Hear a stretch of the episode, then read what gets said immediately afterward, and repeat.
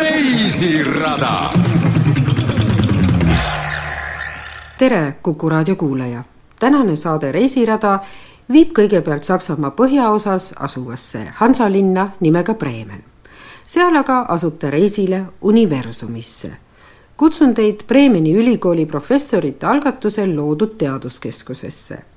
seal on neli tuhat ruutmeetrit külastajate kasutada kolm treppi, markeeritud erinevate värvidega, viivad kõik kolm eri valdkonda. Neist üles ronides saab alustada ekspeditsiooniga kolme maailma. üheks ekspeditsiooniks on inimene, teine ekspeditsioon kannab nime Maa ja kolmandaks on kosmos. Egal wie viel man vorher weiß, ob man jetzt ein kleines Kind ist oder ein älterer Mensch oder ob man schon ganz viel über das Thema weiß oder ganz wenig, man kann immer noch etwas Neues entdecken. hoolimata sellest, kui palju on külastajal eelnevalt teadmisi, on ta siis laps või vanur või ta isegi teab mingist asjast rohkem kui teised, on siin igalühel ikka midagi uut avastada. teaduskeskuse giid Marietta tuli siia tööle juba üliõpilasena. see oli kümme aastat tagasi ja ma ikka kleebin veel siin, naerab ta nüüd on tal teaduskeskuses täis töökoht ning ta ei soovi siit kuskile mujale minna, sest siin on nii põnev. täna võtab ta suures saalis vastu külalisi, koolilaste gruppe ja täiskasvanuid ning selgitab neile keskuse ülesehitust ning mida siin kõik teha saab. Mein Lieblingsexponat ist im Kosmos. Das heißt Doppler-Effekt. Das ist nur eine Plastikscheibe und man kann die ganze Welt damit erklären. Das ist toll. minu lemmikud selgitatakse kosmose osas, see on Dopleri efekt. selle näitel saab nii mõndagi selgemaks, tegu on vapustava nähtusega. Dopleri efekt on saanud oma nime Austria füüsiku Christian Dopleri järgi. tema tahtis selgitada tähtede erinevat värvust nende liikumisega. kuigi ta tollal, üheksateistkümnenda sajandi keskel, oli selle mõttega eksiteel, sest tähtede värvus oleneb nende pealispinna temperatuurist oli ta põhimõtteliselt oma hüpoteesiga õigel teel. seda liikumise ja heli koostoimimist saab näiteks televisiooni teel väga hästi kogeda just vormel ühe ülekannete juures, kus tekitatud heli kõrgus ehk sagedus tõuseb, kui auto sõidab meie suunas nii kõlab see aga lapikut ketast liigutades isiklikul katsetusel Bremeni universumi kosmosesaalis.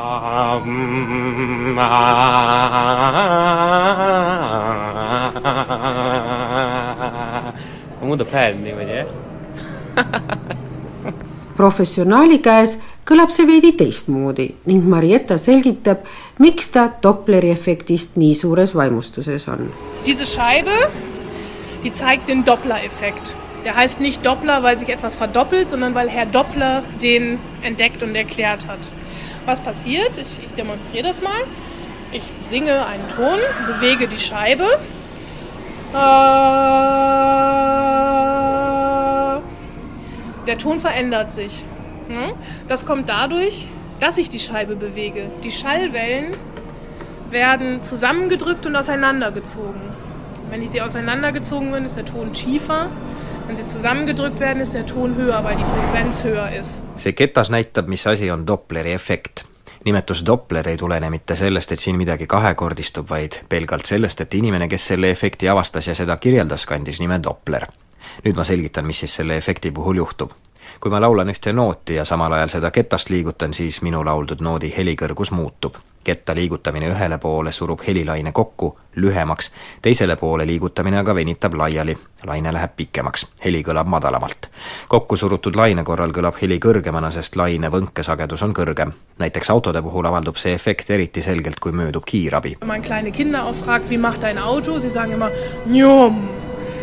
Aber das Motorgeräusch verändert sich nicht. Es verändert sich nur, wie wir es hören, weil das Auto sich von uns entfernt und die Schallwellen so lang gezogen werden. kui lapse käest küsida, mis häält teeb kiirabiauto, on vastus alati ühesugune, heli liigub ülevalt alla. samas mootoriheli autol ju ei muutu, muutub ainult see, kuidas meie seda heli kuuleme. kui auto meist eemaldub, muutub meie suhtes ka selle tekitatud helilaine, see läheb aina pikemaks. nõnda ongi alati selgelt kuulda, kas auto läheneb meile või hoopis kaugeneb. samamoodi on see ka värvidega erinevatel värvidel on erinevad sagedused. lisandub veel, et ka kosmos ei ole staatiline, vaid seal muutub pidevalt midagi. oli suur pauk ning alates sellest momendist liiguvad kõik taevakehad teineteisest aina kaugemale. ja osaliselt need taevakehad kiirgavad. mõndasid taevakehi me näeme helendamas punakalt ja seda mitte seetõttu, et nad on punased, vaid seetõttu, et punane valgus on pikalaineline ning see ulatub maani välja. teised valgused püütakse tee peal kinni sellest saabki järeldada, et taevakehad liiguvad teineteisest aina kaugemale. Und dann geht es noch weiter. Man kann sich natürlich fragen, wie lange können sie sich voneinander entfernen, denn alles wird nur durch diese ähm, Gravitation auch zusammengehalten. Irgendwann ist die Gravitation nicht mehr stark genug. Jeder Körper hat eine Anziehungskraft auf einen anderen. No ja siit võib minna veel sammukese edasi ja esitada küsimuse, kui kaua saavad taevakehad nõndamoodi üksteisest eemalduda, sest kõike hoiab koos gravitatsioon. võib-olla ühel hetkel ei ole gravitatsioon enam piisavalt tugev, igal taevakehal on ju oma külgetõmbejõud, mis teistele taevakehadele mõjub. kuna kõik see muudkui paisub nagu pärmitaigen, ei saa see ühel hetkel enam endisel moel toimida. küsimus ongi, kaua see kõik saab veel laiali valguda, kuni gravitatsioon enam ei toimi. ja huvitav, mis siis juhtuma hakkab vot kõike seda saabki seletada selle väikese ketta abil ja vähemalt mina leian, et see on imeline atraktsioon. Und das alles kann man erklären mit so einer kleinen Scheibe und das finde ich wundervoll. reisirada kosmoseruumides seisavad külastajad nagu reelingu ääres ning uurivad pikksilmadega taevast, kus särab sadu, võib-olla tuhandeid tähti võib-olla on neid seal aga ka miljon punktikest, mõned heledad, mõned nii ähmased, et ei saagi aru, kas me neid tõepoolest näeme. mõned nendest punktidest ei olegi tähed, vaid hoopis galaktikad, mis omakorda koosnevad sadadest miljarditest tähtedest.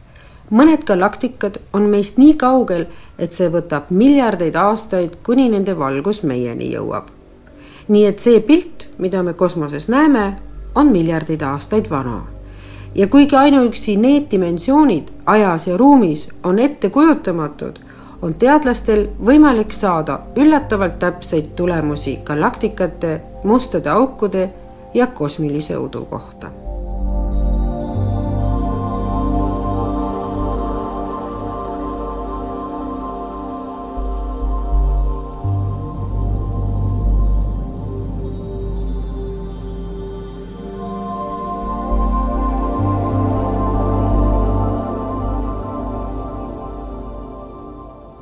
kolme pikksilma abil näeme kolmedimensionaalseid pilte, mis jutustavad meile lugusid kosmoseimedest. kuidas võimsad mateeriakogumid murravad valgust, kuidas galaktikad kohtuvad ja sulanduvad, kuidas kosmilisest udust tekivad uued tähed. läbi pikksilma paistab regioon Eta Carina. seal on teadlaste arvates tähtede tekkimise keskus võib-olla tekib seal kuskil ka päikesesüsteem planeetidega ja võib-olla leiavad need planeedid ees tingimused, kus eluteke on võimalik, sest mida väiksemaks muutus maakera võrdluses kosmoseavarustega, seda enam hakkas meid huvitama küsimus, kas me oleme ainukesed selles universumis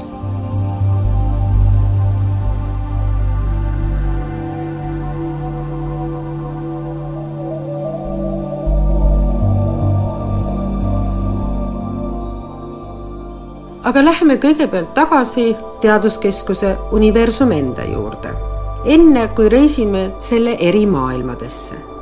universumi hoone ise näeb välja, nagu oleks ristatud hiigelsuur teokarp hiiglasliku vaalaga ja kaetud roostevabast terasest plaatidega. Neid on kokku nelikümmend tuhat. nii peegeldub ellipsiliselt pinnalt taevas ja ta tundub kaugelt nagu maandunud ufo, mille kõrval mööduvad autod tunduvad imetillukestena. nimetus Teaduskeskus kuulubki ainult talle, sest paar aastat tagasi on universumi laiendatud ning lisatud veel viie tuhande ruutmeetri suurune avastuste park, kus maakera avastamisel abistavad kuuskümmend interaktiivset punkti seal saab ronida kakskümmend seitse meetrit kõrge õhutorni otsa see nõuab veidi julgust astuda välja klaaspõrandaga terrassile ja vaadata sealt alla. erinevatelt tasanditelt saab alla lennutada ja visata palle, määrata tuule tugevust ilmajaamas ja uurida vihmalehtrit, kuidas seal kogunevad aastate sademed.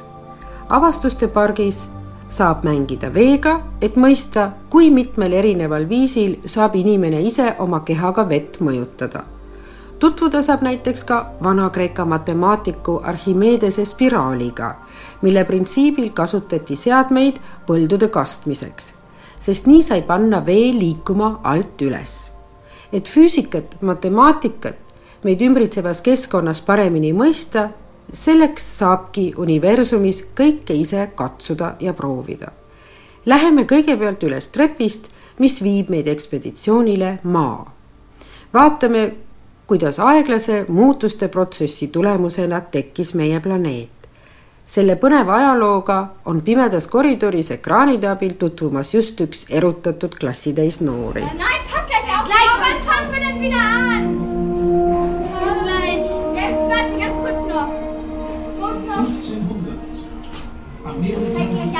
Jetzt fängst du, jetzt passiert. Ihr müsst jetzt hier bleiben.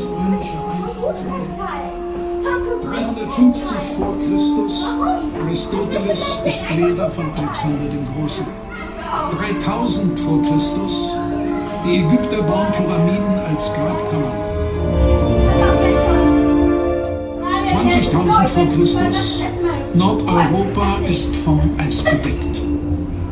70 Millionen vor Christus. Auf der Erde herrschen die Dinosaurier. 5 Milliarden Jahre unser Sonnensystem entsteht. kakskümmend tuhat aastat enne meie aega on Põhja-Euroopa alles jää all. seitsekümmend miljonit aastat enne meie aega võimutsevad maa peal dinosaurused. viis miljardit aastat enne meie aega tekib meie päikesesüsteem. ja nüüd kohe toimub midagi, see on Uõknall, suur pauk.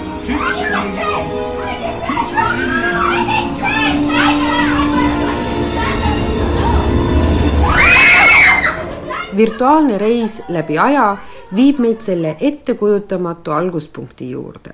läbi inimkonna ajaloo on kõik usud ja kultuurid loonud endale ettekujutuse suurest algusest. universumi alguspunktina näeb tänapäeva teadus hiiglaslikku plahvatust. esimesi viiteid andis selleks tähelepanek, et kõik vaadeldavad objektid kosmoses eemalduvad meist ja seda aina kiiremini, mida kaugemal nad meist on sellest järeldub, et kunagi oli olemas üks punkt, milles kõik oli koos. Wir sehen einen Punkt, der alles enthält, was einmal sein wird. punkt, mida me näeme, sisaldab endas kõike seda, mis ükskord hakkab olema. päris juhuslikult avastati tuhande üheksasaja kuuekümne viiendal aastal niinimetatud kosmiline taustakiirgus. see on soojus mis miinus kahesaja seitsmekümne kraadi Celsiuse juures on ainult kolm kraadi üle absoluutse nullpunkti. teda nimetatakse suure paugu jääkkiirguseks. tänapäeval oskavad teadlased matemaatiliselt välja arvestada kuni sekundiosakeste täpsusega universumi alguse. ja ikkagi ületab ka täna ettekujutus kõige-kõige algusest meie fantaasia piirid. kas see kõik oli juhus oli see saatus või lihtsalt mingi õnnetus. kui vaadata kõiki neid takistusi ja viperusi, ootamatusi, mida tekkiv elu peab ületama, siis kõlab lausa uskumatult, et iga päev jääb umbes üheksasada viiskümmend tuhat naist lapseootele. kaks rakutuuma sulanduvad ja vormivad uue eksistentsi. vahetub pärilikkuse informatsioon, tekib uus indiviid. ainulaadne ainukordne, kordumatu. et seda kogeda, on universumis võimalik tutvuda sellega, mis toimub tulevase inimesega enne tema sündi, mida näiteks kuuleb embrio.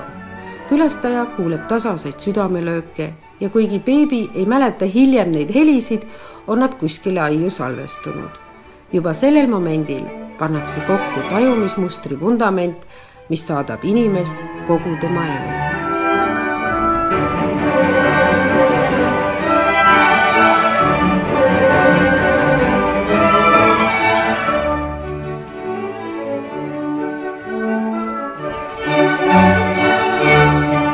Püüame siin tajuda muusikahelisid, mille Bremeni linna kuulsas kontserdisaalis klokke ehk kell lõid oma võrratus sümbioosis Paavo Järvi dirigendi kepi all Deutsche Kammerfilharmonie koos noore Venemaalt pärit viiuldaja Alina Ibragimovaga. kahekümne kolme aastane Alina, kes mängib Guarneri viiulil, on uus särav täht viiuli taevas. tema mäng on nüansirohke ja tundlik. kontsert Bremenis toimus kahe tuhande üheteistkümnenda aasta seitsmendal aprillil.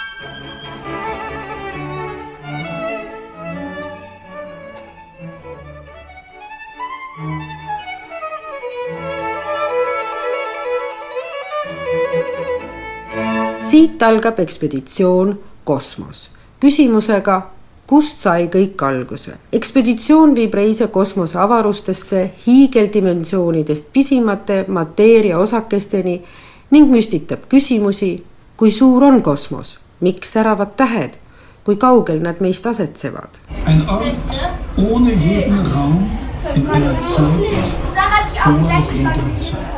Wir befinden uns außerhalb unseres Universums. kohe meie läheduses helendab üks täht, see on päike, helendav gaasikera. ilma päikeseta oleks maa peal mitte ainult pime, vaid seal oleks ka külm ja poleks mingit elu. siin kosmoses tutvume erinevate jõududega, mida me juba lapsest peale kasutame siin saab endale selgeks teha füüsikaseadusi, mille järgi toimib näiteks karussell või ka lihtsalt lapse häll. laskume mikroskoopilisse maailma kuni aatomini, millel ei ole ei värvi, mis ei ole ei krobeline ega ka sile.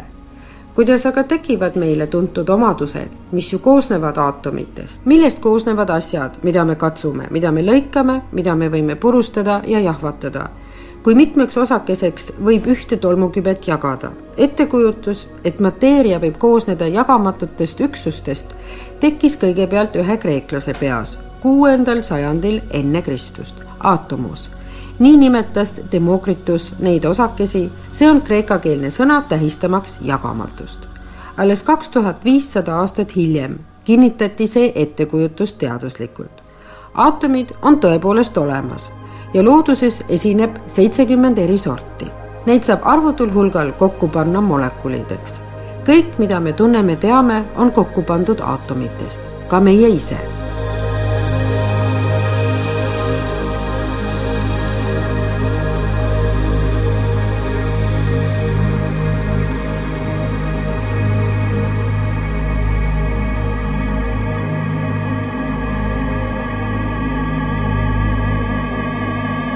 universumis saab imetleda väga kirjut piltide rida, mille on kokku pannud Bremeni kunstnikud Martina Mrotsek ja Toomas Hoogreife. pildid tutvustavad, millised on olnud ettekujutused aatomitest viimase kahesaja viiekümne aasta jooksul. nii kujutab näiteks lahti lõigatud mahlakas arbuus aatomimudelit, nagu seda nägi J.J. Thomson. aatom on kera, mille sees on palju väikeseid elektrone, just nagu seemneid arbuusis ehetekarbike paljude väärtuslike teemantidega. see on Rutherfordi mudel, mis lähtub seest tühjast aatomist, milles on tilluke, aga massiivne tuumik. piltide seas leiab ka puu läbilõike, kaks ussikest ja paulingukuuli. millised on aga ettekujutused nende piltide taga? Wir sehen einen Punkt, der alles enthält, was einmal sein wird. aatomid on ka need, mis eritavad elektromagnetilist kiirgust päikese kromosfääris. läbipaistvas kihis päikese atmosfääri välimise kuuma kesta ja päikese nähtava pinna vahel. see kiirgus liigub kiirusega kolmsada tuhat kilomeetrit sekundis. umbes kaheksa minutit vajab kiirgus, et ületada saja viiekümne miljoni kilomeetrilist vahemaad päikeselt maani. ühte osa sellest kiirgusest tunnetame soojusena, teine on valgus aga mis on valgus?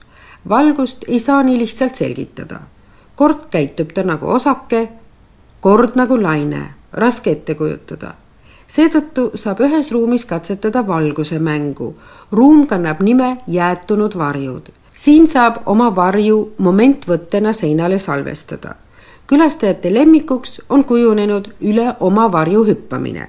seda momenti aitab salvestada sein, millele on kantud fosforisseeruv värv, mis salvestab valgust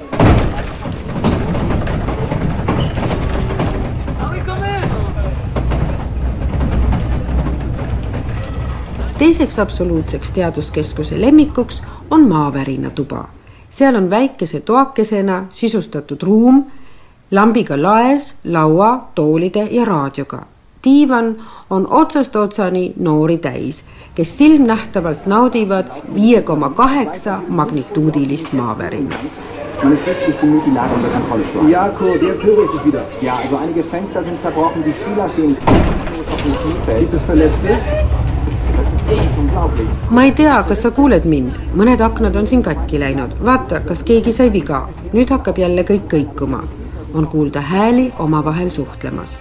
kui süveneda teksti ning mõelda maailmas toimuvale, siis on see kogemus põnevuse kõrval väga õpetlik. kuulame Paavo Järvi kontserdi Bremeni kontserdihoones kahe tuhande üheteistkümnendast aastast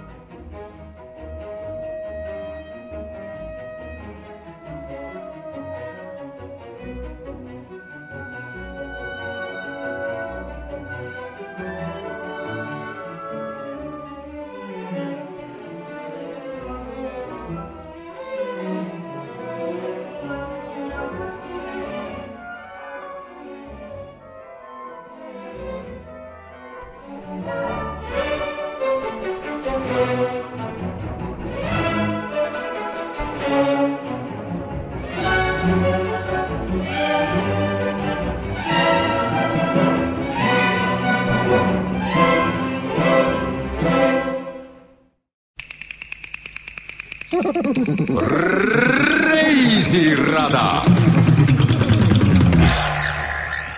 uus trepp ja uus ekspeditsioon. see kannab nime Inimene.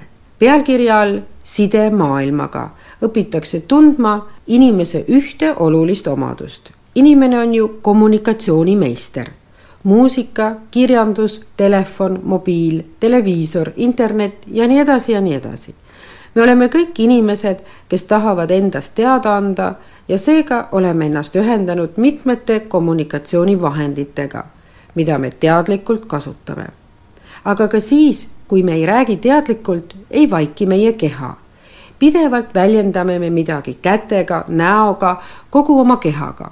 siinjuures on kõige rohkem uuritud meie miimikat nii me teamegi, et on olemas seitse põhimiimika vormi, mis on kõikide inimeste juures ühesugused. Nendeks on kurbus, viha, üllatus, rõõm, põlgus, hirm ja vastikus. Need on kaasasündinud. selle miimika äratundmist ei pea me õppima, juba beebid oskavad näost lugeda. Du wirst starr vor Schreck. Du bist blass vor Angst. Du kriegst eine Gänsehaut. Deine Haare sträuben sich. Die Angst eksponaat tutvustab hirmutunnet. hirmutundes kangestud, nägu muutub valgeks, juuksed tõusevad püsti ja tekib kananahk. sa tunned, kuidas hirm roomab mööda selga üles. see tunne on hästi teada ja kõikide puhul väga sarnane. aga oma emakeelt peab igaüks meist õppima. ja nii me alustame õppimist meie planeedil on kokku kaks tuhat viissada kuni kolm tuhat viissada erinevat keelt. Neljakümmet keelt saab kuulda universumi keelte gloobuses. keeled on üheaegselt stabiilsed ja dünaamilised. milliseks kujuneb eesti keel viiekümne aasta pärast? sinna lisanduvad anglitsismid, sinna lisanduvad mõisted arvuti kasutamisest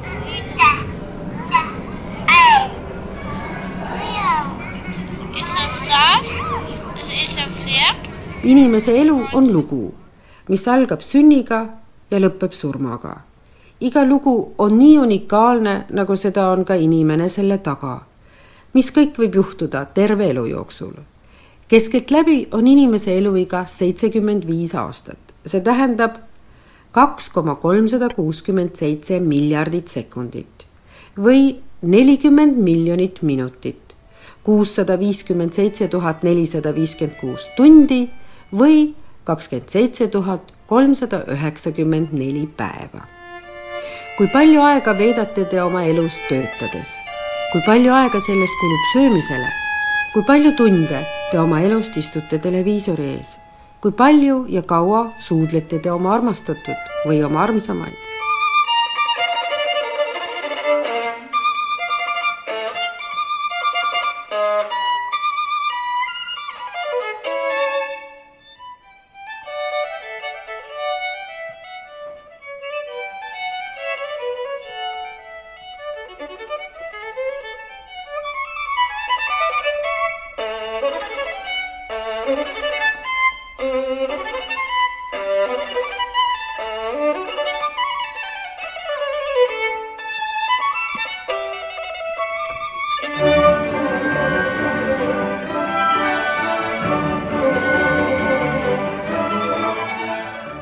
Väikestele lastele on eraldatud teaduskeskuses oma valdkond, kus nad saavad vastata küsimustele ning avatult tegeleda teemadega, millede kohta nad on sageli ahastavatele vanematele esitanud sellise hulga küsimusi, et nendele on raske vastuseid leida kellel väikesed lapsed on, need teavad, kui palju ja kui detailseid küsimusi ootamatute asjade kohta on üks laps võimeline küsima ja kui raske on neile sageli vastuseid leida. seega on lasteosakond pühendunud just sellistele küsimustele, püüdes lapsevanemate elu vähegi lihtsustada. küsimused siin on vee kohta, sest vett kasutatakse ohtralt iga päev. siseneme vannituppa. Was glaubst du? Wann verlierst du am meisten Wasser? Beim Pipi machen, beim Gaga machen, beim Schwitzen, beim Weinen? Mis sa arvad, millal kaotad sa vett kõige enam, kas siis, kui käid WC-s, siis kui higistad või siis, kui nutad? Wenn du schwitzt, verlierst du zwar viel Flüssigkeit, aber ganz richtig ist deine Antwort nicht. Versuch's noch einmal. see vastus oli vale. higistamise puhul sa küll kaotad rohkelt vett, aga päris õige see vastus ei olnud. proovi veel kord. Richtig. Wenn du Pipi machst, verlierst du mehr Wasser, als wenn du Gaga machst, schwitzt oder weinst. Für diese richtige Antwort kannst du dir nun Wasser in dein Glas füllen. Denn schließlich solltest du jeden Tag vier Gläser Wasser trinken. õige vastus, kõige rohkem kaotad sa vett siis, kui käid pissil. õige vastuse eest võid endale kallata klaasi vett. Joo see ära, sest iga päev pead sa jooma vähemalt neli klaasi vett. iseseisvalt saavad lapsed katsetada rattasõitu, vaadata, mis sellel ajal kehas toimub ning õppida juurde ka midagi turvalisuse poolelt. Wenn du bereit bist, drück die grüne Taste. Wenn du zurück willst, dann die rote. Vergiss nicht, den Fahrradhelm aufzusetzen, damit dein Kopf gut geschützt ist. Er muss perfekt passen und darf nicht wackeln. Halt dich gut an den silbernen Griffen fest. Hier wird dein Puls gemessen. kui oled valmis, vajuta rohelist nuppu. kui tahad maha minna, vajuta punast. pähe pane kiiver, see peab sobima nagu valatult ega tohi üldse loksuda, selleks et su pea oleks hästi kaitstud. ja hoia kinni neist hõbedastest pulkadest, need mõõdavad sinu pulssi. Also, auf geht's. Nun ist alles bereit für deine Fahrt. nüüd ongi kõik valmis sinu jalgrattasõiduks. suuremate laste ja noorte jaoks valmistatakse suures saalis ette energiashow'd seal pannakse kokku konstruktsioone, et tutvustada, mida kõike saab energiaga teha, kuidas saab energiat muuta, kuidas salvestada ning kuidas toimib roheline energia. üks eksponaatidest selle tutvustamiseks on lausa hiiglaslik, räägib Caroline Krömer. Und dafür haben wir eine riesengroßen Kettenreaktionsmaschine aufgebaut. Ganz am Anfang brauchen wir einmal kurz Strom und dann wandeln sich die ganzen Energien ineinander um bis zum Schluss und alles funktioniert dann immer hoffentlich meil on siin hiiglaslik energia ahelreaktsioonide masin. et kõik algaks, on vaja korraks anda elektrilöök, siis hakkavad kõik energiad muunduma ja kõik hakkab järgemööda liikuma ja ümber kukkuma. nii see kõik toimib, loodetavasti. Karolin vastutabki siin niinimetatud mõtete areeni show'de toimimise eest kuna mõtete areenil toimuvad ka teised üritused ja katsed, siis tuleb ülesehitamist ja mahavõtmist sageli ette. Sageli tuleb siit kõik ära viia viimase osakeseni ja siis jälle üles ehitada. Karoline õppis ülikoolis bioloogiat, selle juurde kuulus ka füüsika ja keemia, nii et see sobib mulle siin väga hästi, ütleb ta. Und diese Show ist sehr äh, intensiv aufzubauen. Also da muss ich wirklich auf die Abstände gucken, alles ausprobieren, ähm, dass das dann auch alles richtig funktioniert, weil wenn ich morgen die Show mache, dann muss es auch klappen. selle etenduse ülesseadmine on väga aeganõudev. ma pean väga täpselt osadevahelisi kaugusi mõõtma ning ka katsetama, et kõik ikka töötaks. kui ma homme selle etenduse annan, peab siin kõik kindlalt toimima muide, me oleme selle kõik siin ise välja mõelnud ja kokku ehitanud ja tagatipuks on see kõik taaskasutatav. teisena on suur tünn täis õhku, kakssada viiskümmend liitrit, mille ees on membraan kui põrgatada bowlingu kuul vastu membraani, siis on seda kuulda ja õhk surutakse välja ja see paneb lendama jalgpalli. Das sind eben Elemente dieser Show, die dann immer alle ineinander greifen müssen und dann ähm, passiert eben eins nach dem anderen. Wir haben ganz viele Wippen, wir haben sogar Gießkannen mit dabei, wir haben eine Solarzelle, wir haben einen, äh, einen kleinen Windpark aufgebaut und das muss ich jetzt gerade alles wieder aufbauen weil die dann immer täglich zweimal stattfinden. kõik need etenduse elemendid peavad omavahel haakuma ja etendusel on väga palju erinevaid osi. me kasutame siin kiike, kastekannu, päikesepaneeli, panime üles lausa väikese tuulepargi. just sellega ma praegu tegelengi, sest see etendus toimub päevas lausa kaks korda. kui aastaaeg on soojem, siis minnakse katsetustega välja selle jaoks mõeldakse iga kord välja ka eriteemad. üheks on olnud näiteks loomade suurimad saavutused meil on olnud ka show helidega, ütleb Caroline. Davor hatten wir mal eine Show zum Thema Feuer, die war auch nicht schlecht. Bei Feuer, Feuer, das war eine richtige Pyro-Show mit allem drum und dran. Da hat man also auch ein bisschen mit so dieser ähm, Pyro-Watte, das ist Watte, die auch Zauberer benutzen, gearbeitet. Das sah schon sehr ähm, spektakulär aus, auf jeden Fall. oleme teinud ka vägevat etendust tulega see oli tõeline tulevärk koos kõige juurde kuuluvaga, nagu öeldakse. sellest tuli kasutada isegi neid abivahendeid, mida muidu mustkunstnikud rakendavad. välja nägi see kõik äärmiselt põnev, lasime helipuldist erinevaid hääli juurde, tulemuseks oli tõeliselt suurejooneline show. tuleshow kuulub Karoline lemmikute hulka sest seal toimub tõeliselt palju. Wir haben hier auch eine ganz tolle Feuerstation auch mit drin. Da verbrennen wir Stahlwolle. Das ist Stahlwolle, das ist ganz, ganz feiner Stahl. Das heißt, der ist so fein, dass wenn eine Batterie hier drauf kommt, der Stromkreis geschlossen wird, ein kleiner Funke entsteht und die entflammt. Also die fängt so an zu glühen und die ähm, zieht sich dann richtig hoch und damit brennen wir dann ein Nylonseil auch noch durch. Also es sind ganz viele kleine verschiedene Stritte drin, ähm, die wir uns ausgedacht haben, damit das dann natürlich auch ein bisschen spektakulär ist. meil on isegi oma tuletorn, kus põleb teraslõng tegu on väga peene terastraadiga. see on nii peenike, et kui sellele patareist voolu anda, süttib see põlema põlemisel on seal abiks ka jupike nailonist niiti. tegelikult koosneb see etendus tuhandest pisiasjast, mis me kõik oleme ise välja mõelnud ja minu arust on see väga tähelepanuväärne saavutus. praeguse show puhul loodab Caroline, et neil õnnestub noortele edastada ka teadmisi päikeseenergia, vee ja tuuleenergia kohta. võib-olla, ehk tõepoolest, naerab ta. üks asi, mis Carolinele meeldib, on ka molekulaarköök Da machen wir dann diese Molekularküche, nennt sich das. Und da unter anderem halt Bananen und Pampelmuse in Stickstoff packen und schauen, was passiert und auch ganz viel wieder mit Feuer arbeiten und mit Magnetismus und sowas. Ähm, und dann machen wir auch Strom durch äh, Früchte und so ein Kram. Also das, das macht auch richtig viel Spaß. Kostet leider auch ein bisschen was. Aber es lohnt sich. Ich glaube, man kriegt ein Drei-Gänge-Menü. Und äh, das eben von dieser Molekularküche. Das ist recht spektakulär. veel on meil molekulaarköök. Me pakime näiteks banaanid ja pomelod lämmastikukeskkonda ja vaatame, mis siis juhtuma hakkab. eksperimenteerime magnetite ja tulega ning anname puuviljadele ka elektrit publikule läheb see kõik muidugi üht-teist maksma, aga selle raha eest saab ka palju põnevat vastu. siin võib tellida kas või kolmekäigulise molekulaarköögilõuna. maksma läheb see üheksakümmend eurot inimese kohta. see-eest kestab show neli tundi ja lõpus saab ka kõhu täis. Karoliine õpib molekulaarköögi tegemisi, seal nad siis seisavad mikrofoniga käes ja annavad selgitusi, mis toimub. see on kindlasti põnev, aga ka ise saab seda proovida, kes omal käel katsetada soovib, ütleb Karoliine kellel oli ka oma vanematega spezialsed plaanid. Man kann sich bei uns unten im Shop so ein, so ein äh, Selbermachpaket kaufen. Also ich habe jetzt das meinen Eltern zum Beispiel zum Hochzeitstag geschenkt. Die hatten jetzt 25-Jährigen. Dann dachte ich mir, Mensch, das ist doch mal was Nettes. Und jetzt wollen sie dann gehen, wenn ich das mache. Na, schauen wir mal. meie meenepoest saab igaüks endale kaasa osta konstruktori. Kinkisin ühe sellise oma vanematele nende kahekümne viiendaks pulma aastapäevaks. mõtlesin, et see on ometi eriline kingitus, aga nemad tahavad nüüd hoopis siia vaatama tulla, kui ma seda publikule esitlen.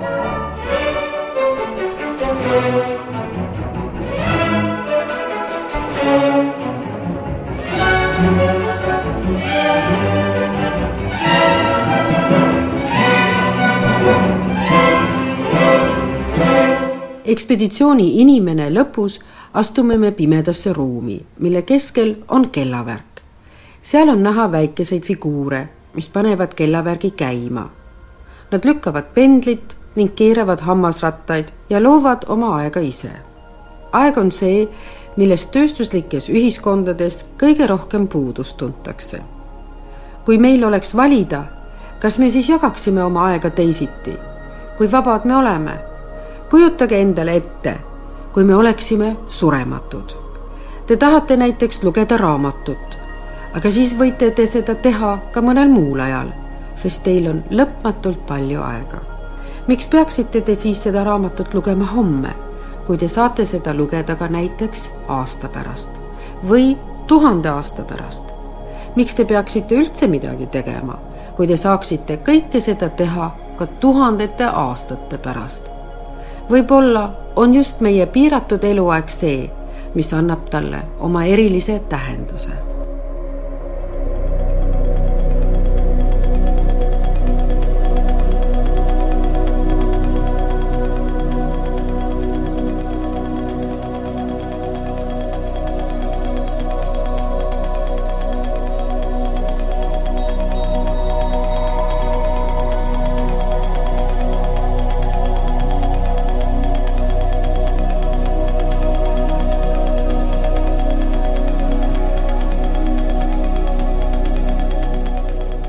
Nende mõtetega jätan ma saates Reisirada selleks korraks hüvasti. tahan kõiki motiveerida külastama teaduskeskusi, mis on põnevad paigad, kus on palju huvitavat avastamiseks ja lihtsamaks mõistmiseks läbi elamuse ja katsetuse lastele ja palju uut ka tarkade täiskasvanute jaoks, kas või see, et paljud saab ise kogeda käega katsuda tuleme selle aasta Reisiraja saadetes veel tagasi teaduskeskuste juurde millest Euroopa üks suurimatest on Pariisis ja täna Euroopa moodsaim Varssavis. sellele on antud teadlase Kopernikuse nimi. saate tehnilise külje eest vastutas Veiko Rebane. tekste luges Jüri Mutika. saatejuht Tea Karin soovib põnevaid avastusretki ekspeditsioonidel meie ümber. soovin teile julget avastamist